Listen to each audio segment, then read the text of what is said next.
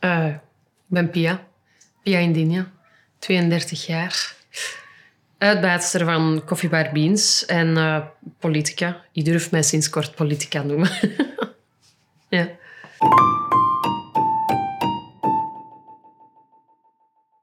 Ik vind dat superbelangrijk dat je, als je je woord geeft of als je met iemand een, een belofte maakt, dat je dat ook gewoon nakomt. Ehm, ik kan ook gewoon niet iemand in de steek laten. Als zo dat loyaliteit vind ik superbelangrijk. Ik kan, kan de vinger er niet op leggen. Waarom? Dat is iets dat wij van thuis hebben meegekregen. Ik, ik denk dat ik een groot hart heb. Ah, ik word toch zo graag vaak omschreven als iemand met een groot hart. Maar dat is, ehm, dat is denk ik een deel van mijn empathie. En als je ziet dat er iemand zich niet goed voelt, ja, dan ga ik altijd proberen daarvoor die persoon te zijn. Zeker mijn, mijn, mijn beste vriendinnen zijn vriendinnen al van, van, van, van bij de kleuterklas. En ik koester dat wel. Dat is denk ik zo die loyaliteit, dat zorgen voor elkaar. Dat, ja, ik, ik vind het, het, de groep wel belangrijk. Zeker, ik hoop dat mensen ook loyaal zijn naar mij. Um, ik heb het heel moeilijk met achterklap. Wat ik niet... Wat dat niet wil zeggen dat je een keer in je wijk kwijt mocht over iemand anders. Ik bedoel, je moet kunnen ventileren. Hè. Maar ik, ik hoop wel dat mensen ook altijd gewoon eerlijk zijn met mij. Hè, als ik dat ben met hun. Um, maar je merkt dat dat natuurlijk niet zo is. Hè. Hoe vaak die teleurstelling... Iedereen is al teleurgesteld. Hè. Dat is... Uh... Maar ik blijf dat wel geloven dat iedereen inherent uh, goed is en daarom ook goed met mij zal omgaan. Ja, dus uh, dat is zoiets stom als ik kijk naar mijn eigen bar, naar mijn koffiebar. Dan hoop ik dat mensen ook gewoon trouw blijven aan mijn bar. Dus als er morgen 1000 euro uit de kassa zal uh, verdwenen zijn, dan ga ik er nooit van uitgaan dat dat mijn team is. Um, en als dat dan al gebeurt, dan denk ik dat dat zal zijn... Dat is heel naïef, hè? Dan denk ik dat dat zal zijn omdat iemand dat nodig zal hebben gehad. Want anders doet je dat niet. Uh, ik, ik, weet dat dat, dat dat heel naïef is, maar ik vind dat wel voor mezelf een aangenamere gedachte om mee om te gaan. In de plaats van wantrouwig en sceptisch te zijn tegenover mensen. Beter het goede zien in iedereen en dan... Uh, ja.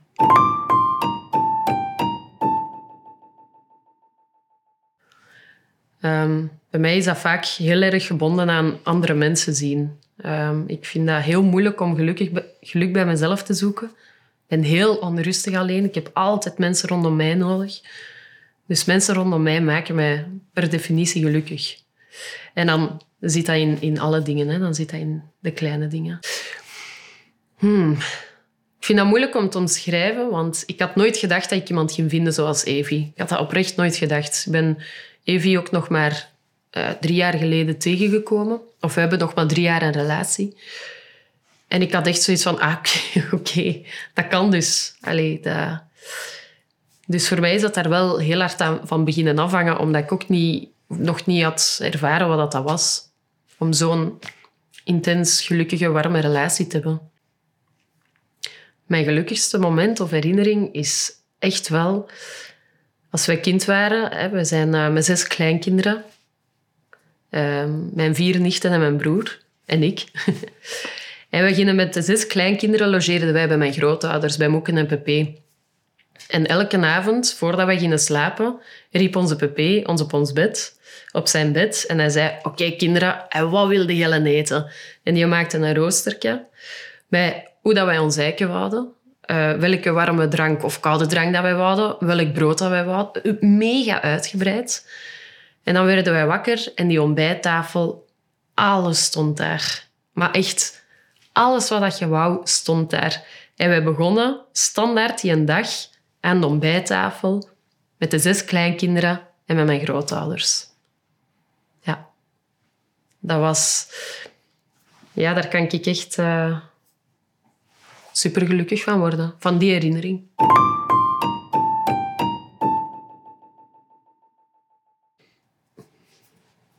ja, om eerlijk te zijn, heb ik deze weekend eigenlijk nog, ben ik nog heel verdrietig geweest deze weekend.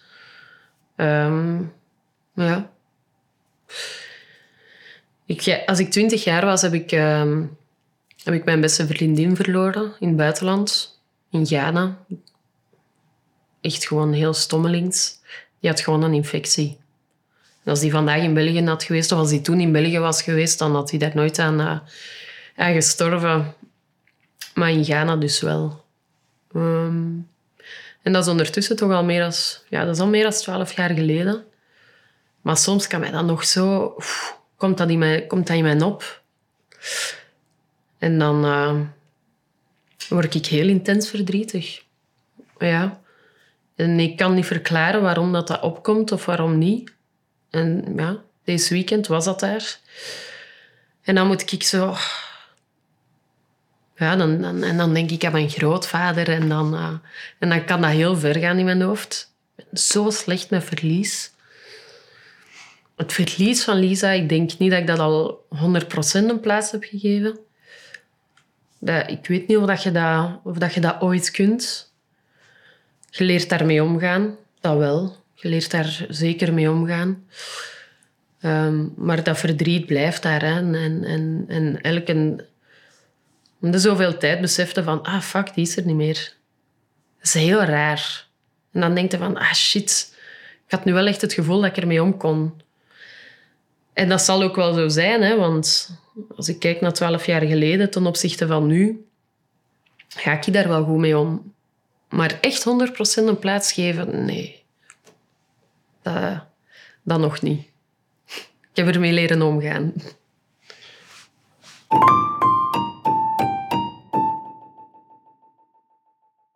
Heel veel hoogtevrees. Oprecht, hoogtes. Uh, nee, dat zijn zo van die heel uh, typische angsten. Hè? Vliegangst, hoogtes. Ik ben bang in donker. Ik, oprecht. Ik kan niet alleen slapen. Ik ben bang om alleen te zijn. Dat is misschien wel... Ik heb heel veel angsten. ja, ik heb heel veel angsten. Uh, angst voor dingen dat ook niet aan het gebeuren zijn. Hè? Ik bedoel, voor, ja, angst om iemand te verliezen.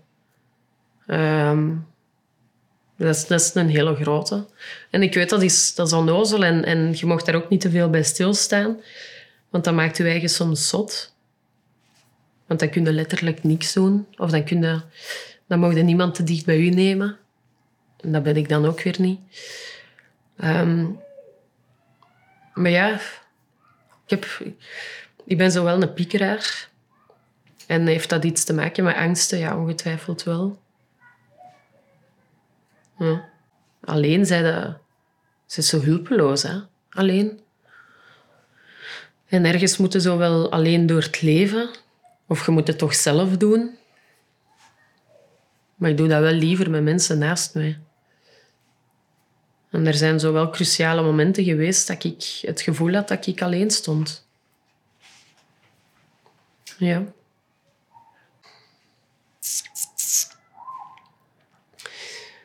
Ik ben gewoon niet gemaakt om alleen te zijn. Toekoer niet. Ik, uh, ik, moet, ik moet... Ik vind dat heel beangstigend. Ik weet niet waarom.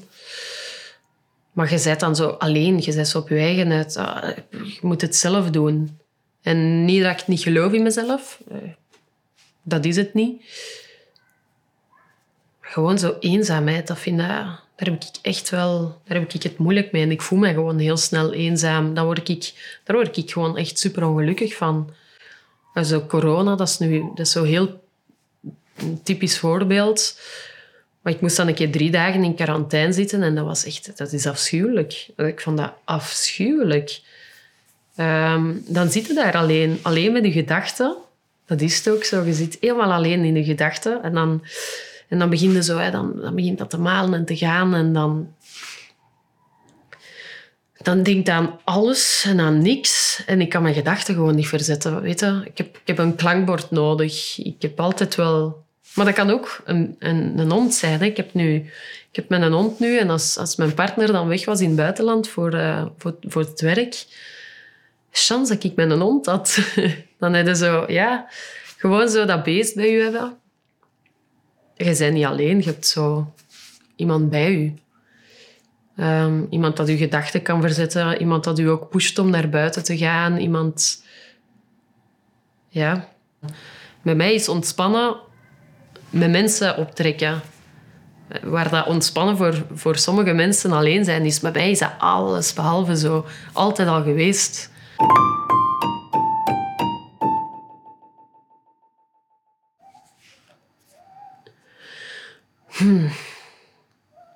Ik op zich heb ik wel, ben ik wel in, in, in zekere zin wel zelfzeker. Maar ook niet. Ja, ook weer daar. Hè. Ik ben zo heel zwart-wit. Ik kan... Uh, als je, als je spelletje met mij speelt en ik vind dat ik daar goed in ben en ik verlies, dan zal ik niet tegen mijn verlies kunnen. Maar als ik vind dat ik ergens niet goed in ben en ik verlies, ja, tampi. Dat is... Uh, het is, het is wat je er zelf insteekt en het resultaat dat je dan bekomt, daar, daar hangt mijn zelfzekerheid al dan niet van af. Ehm, ik, durf, ik durf gerust op een podium staan en mensen aanspreken. En ik ben niet verlegen en ik, en ik durf op de man toe gaan en, en bij de politiek ook zo aanbellen en, en aan de deur staan. En dat ik zoiets heb van... tuurlijk, ik vind ook dat ik wel zinnige dingen heb te zeggen, oprecht. Um, maar ik ga mij altijd wel op het einde afvragen, was het goed genoeg? Dus ik, ik, heb, ik ben zelf zeker genoeg om voor de dingen te gaan. Ik was 26 jaar en ik nam een koffiebar over. En ik had zoiets van, ik ga dat kunnen. Want hè, ik ga dat proberen goed te doen en ik ga dat kunnen. En ik heb mijn omgeving, mijn ouders zijn ook zelfstandigen. Ik ga dat gewoon doen. Maar ik vraag me wel elke dag af, doe ik het goed genoeg? Het is zo... En dat, dat is een twijfel dat er altijd bij komt. Over het algemeen ben ik wel trots op mezelf. Ehm, maar ja, er zullen altijd wel dingen zijn die, die je doet waar dat je minder trots op bent. Dat is sowieso. Hè. Ik bedoel, dat heeft, dat heeft iedereen. Maar op zich probeer ik wel altijd zo dicht mogelijk tegen mezelf te blijven en het goede te doen. En ik denk, spreek me tegen als ik dat niet doe. Uh, ik denk dat ik dat goed doe. Dus ja, eigenlijk, eigenlijk wel.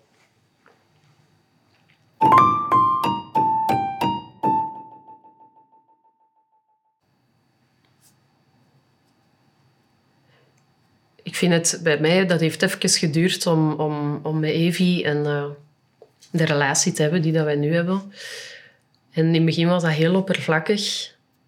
En dan um, werd dat voor mij wel heel duidelijk van oké, maar ik kan mij hier kwetsbaar opstellen. En dat was veilig. En dus die veiligheid is zo belangrijk geworden in onze relatie naar elkaar toe. Um, zij voelt zich veilig bij mij, ik voel mij veilig bij haar. En we hebben zo kleine dingen die we hebben afgesproken als we pijn hebben. Of als we verdriet hebben, dan, spreken we, dan pakken we elkaar vast en dan spreken wij gewoon drie keer au, au, au uit. Om zo te zeggen van ik heb, ik, heb, ik heb pijn. Ik heb gewoon pijn. En dat is zo'n heel klein ding van kwetsbaarheid. Van, van, want op dat moment weten, weten anderen van oké, dit is hier een heel kwetsbaar moment. En om dan twee armen rondom u te voelen en dan heel veel veiligheid en geborgenheid te krijgen, dat is, dat is alles waard. Hè?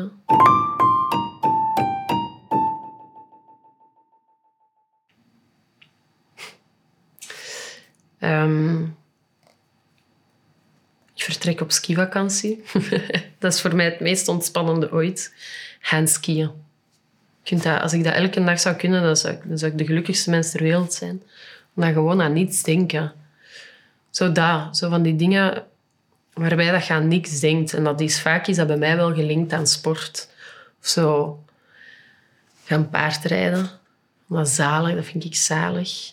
Um, nu gaan fietsen met de koersfiets met Evie. Dat is, ja... En stiekem ook wel op de PlayStation 5 spelen. ik heb een PlayStation 5 van Evie gekregen.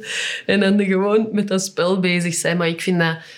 Zolang dat ik maar aan niets moet denken... Of dat ik zo hyper gefocust op dat ene ding... Met, met dat ene ding bezig zijn, dat ontspant mij. Maar zo niet um, ja, in, in bad zitten, ja, super ontspannend voor tien minuten, want dan lig je daar en dan zijn we weer bezig. Ik moet gewoon... Het maakt me niet uit. Als het mijn gedachten kan verzetten, dan zal het mij ontspannen. En vaak is dat wel sport.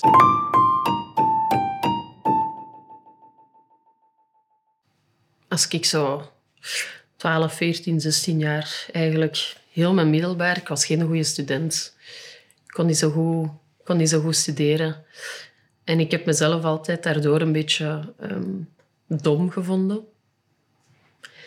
Als ik dan toch iets zou kunnen zeggen tegen die persoon, zou ik zeggen van, je bent niet dom. Je hebt gewoon andere capaciteiten. Want studeren is een vaardigheid en dat is een vaardigheid dat ik niet bezit. Ik heb andere dingen. Je hebt zo... ik, geloof, ja, je kunt dat natuurlijk... Je kunt enert wanneer vertrekken. Hè. Dat is, iedereen kan dat. Als je dat wilt, dan vertrekt je gewoon. Maar als je afgestudeerd bent, dan heb je zo de kans, voordat je aan je werk begint, om eigenlijk een keer te doen waar je gewoon zin in hebt. En ik heb van mijn 16 jaar tot, tot mijn 24 altijd gewerkt. En altijd met het idee, ooit ben ik daar een keer een jaar mee weg. En altijd zo heel flink en wat centen opzij zetten. En, en het is geen jaar geworden, maar het zijn er zeven maanden geworden. Zeven maanden naar Nieuw-Zeeland, Australië, en dan naar Bali. En dan nog een weekje naar Fiji. Gewoon omdat het kon. en als je zo je enigste bezorgdheid is, waar gaan we weten, waar gaan we slapen? En welke wandeling gaan we doen? Dat is de max. Je leert de wereld kennen, je leert mensen kennen. Je leert zeven maanden leven uit een rugzak, want dat is het enigste dat je hebt. Je leert eigenlijk... En dat is een heel verwende positie waar dat je in zit, hè? want je zit aan een andere kant van de wereld, maar je bent wel van alles en iedereen weg.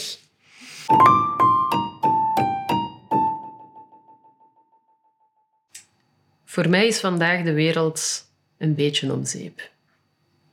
Ehm, ja, nee. Vandaag vind ik oprecht dat de wereld om zeep is. Er is zoveel aan het gebeuren dat ik gewoon niet kan vatten. Ja, en dan... Ja, sorry, maar als je ziet in Gaza wat er aan het gebeuren is, kan dat niet begrijpen. Ik kan ook niet begrijpen dat je in Amerika hebt dat die, dat die steunen, dat die Israël steunen. Als je ziet welke gruwel dat er aan het gebeuren is, kan dat oprecht niet begrijpen kan ik oprecht niet begrijpen waarom dat wij als Unie daar niet tegenin gaan. Dat is, uh, dus ik vind dat vandaag wel even... Vind ik het geen fijne wereld. En dat is niet alleen een conflict in Gaza. Hè.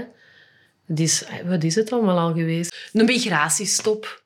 Dan denk ik, Unk, ga jij vandaag oprecht zeggen dat er een migratiestop moet zijn als je weet wat er allemaal aan het gebeuren is in de wereld, vind je dat, vind je dat oprechte oplossing?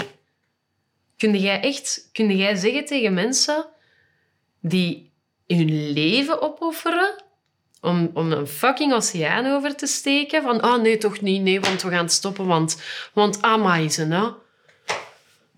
De gevolgen van migratie, dat is wel waanzin. Hè? oh nee, daar word ik razend kwijt van ik, kan, daar niet, kan daar niet mee om. Ik kan daar... Uh, heel triestig vind ik dat. Mijn grootste drijfveer om op te komen is om, om...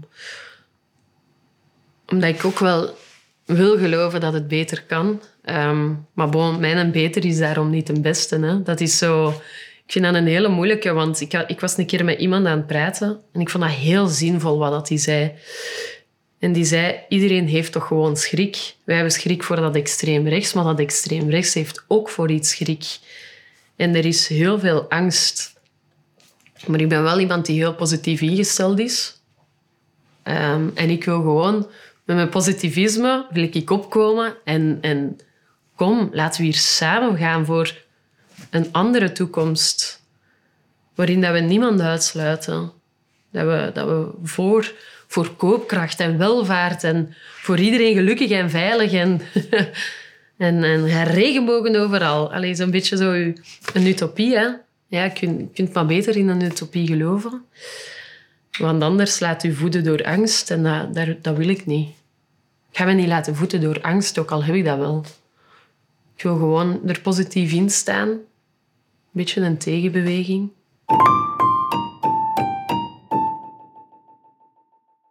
En als ik heel eerlijk ben, Als ik eerlijk ben, ja, ik wil eigenlijk wel graag kinderen, maar ik heb daar schrik voor omdat ik samen ben met mijn vrouw. En dat houdt mij wel tegen. Maar ik ben daarmee bezig, ja. Ik ben daarmee bezig dat je... Misschien ben ik daar gewoon te veel mee bezig. Want ik denk, eens dat je, eens dat je een kind zou hebben... Wij als koppel... Dan gaat dat wel vanzelf. En dat is niet uit gebrek van liefde of wat dan ook. Maar, maar ergens heb ik daar schrik voor. Want je moet wel... Ah ja, de twee mama's. En... Ja. Ja, ik heb, ik heb geen zin in die vragen. Ik vind die, ik vind die vragen over mijn... Mijn... mijn ehm, geaardheid sowieso. Ik vind dat... Maakt me heel boos. Uh, zo, vaak dat mensen aan mij al hebben gevraagd... Hoe heb jij dan seks? Dan denk ik, what the fuck? En wie is de man in de relatie? Ja, niemand. Dat is het punt van mijn vrouw samen te zijn. Allee, en mensen kunnen zo heel uit curiositeit vragen aan u stellen dat heel invasief kunnen zijn. En ik heb geen zin om vragen te krijgen van... Ah, wie is nu de echte mama? Omdat dat mij zo... Ik heb het heel moeilijk gehad met mijn, met mijn geaardheid. Hè. Ik, ik, vond dat, ik weet al heel lang dat ik op vrouwen val. Hè. Maar ik wou dat niet. Ik, vond dat, ik had daar geen zin in. Ik, had, ik wou gewoon normaal zijn. Ik, wou, ik wou gewoon... Met een man, geen gedoe, geen gezever, niet elke dag uit de kast komen. Ik wou gewoon dat leven. En dan, uh, maar ja, je kunt niet tegen jezelf blijven liegen. Hè. En, en dat heeft heel lang geduurd voordat ik daar klaar voor was. Maar ook dan, als ik dan uit de kast kwam, dat mensen zouden zeggen... Ja, maar dat wist ik al lang, hè. Dan denk ik... Ah, dat is niet tof. Dat is niet tof. Als iemand... Als jij... Dat is zo hetzelfde van... Ja, ja ik ben... Uh, ja, ik ben eigenlijk al heel, heel lang depressief. Ja, maar dat wist ik. Zo, dat is niet dezelfde vergelijking natuurlijk, maar zo ik, ben daar, ik heb daar heel veel moeite mee gehad om dat aan mezelf toe te geven. En om dan al mijn moed bij elkaar te rijpen en naar ons mama te gaan en te zeggen... Ik heb een lief en ze heet Eva. Is mijn eerste vriendin. Ik vond dat zo moeilijk. En je wordt zo, heel dat proces wordt zo ontkracht doordat mensen zeggen... Oh, maar dat wist ik al. Ja, heel tof. Ik ook, maar... Ik had tijd nodig. Allee, en, en je, ja, daar heb ik toch niks aan. En dan dat mensen zo... Mag ik nu een keer eens iets vragen? Zo, dat. Mag, mag ik een keer eens iets vragen? Dan denk ik, ja, nee, eigenlijk liever niet. Oprecht. Ik vraag ook niet hoe dat jij seks hebt. Ik doe dat niet. Twee, twee vrouwen. Twee vrouwen mijn kind. Ja, je gaat daar sowieso vragen over krijgen. En dat, dat kind gaat dan sowieso moeten zeggen, maar ik heb twee mama's. En wat gaat het doen met vaderdag? En en, en ik ben daar denk ik gewoon nog niet klaar voor, voor mezelf. Net zoals ik een tijd nodig heb gehad om uit de kast te komen, heb ik gewoon een beetje meer tijd nodig om het idee twee mama's, een kind en twee mama's, rond te krijgen in mijn hoofd.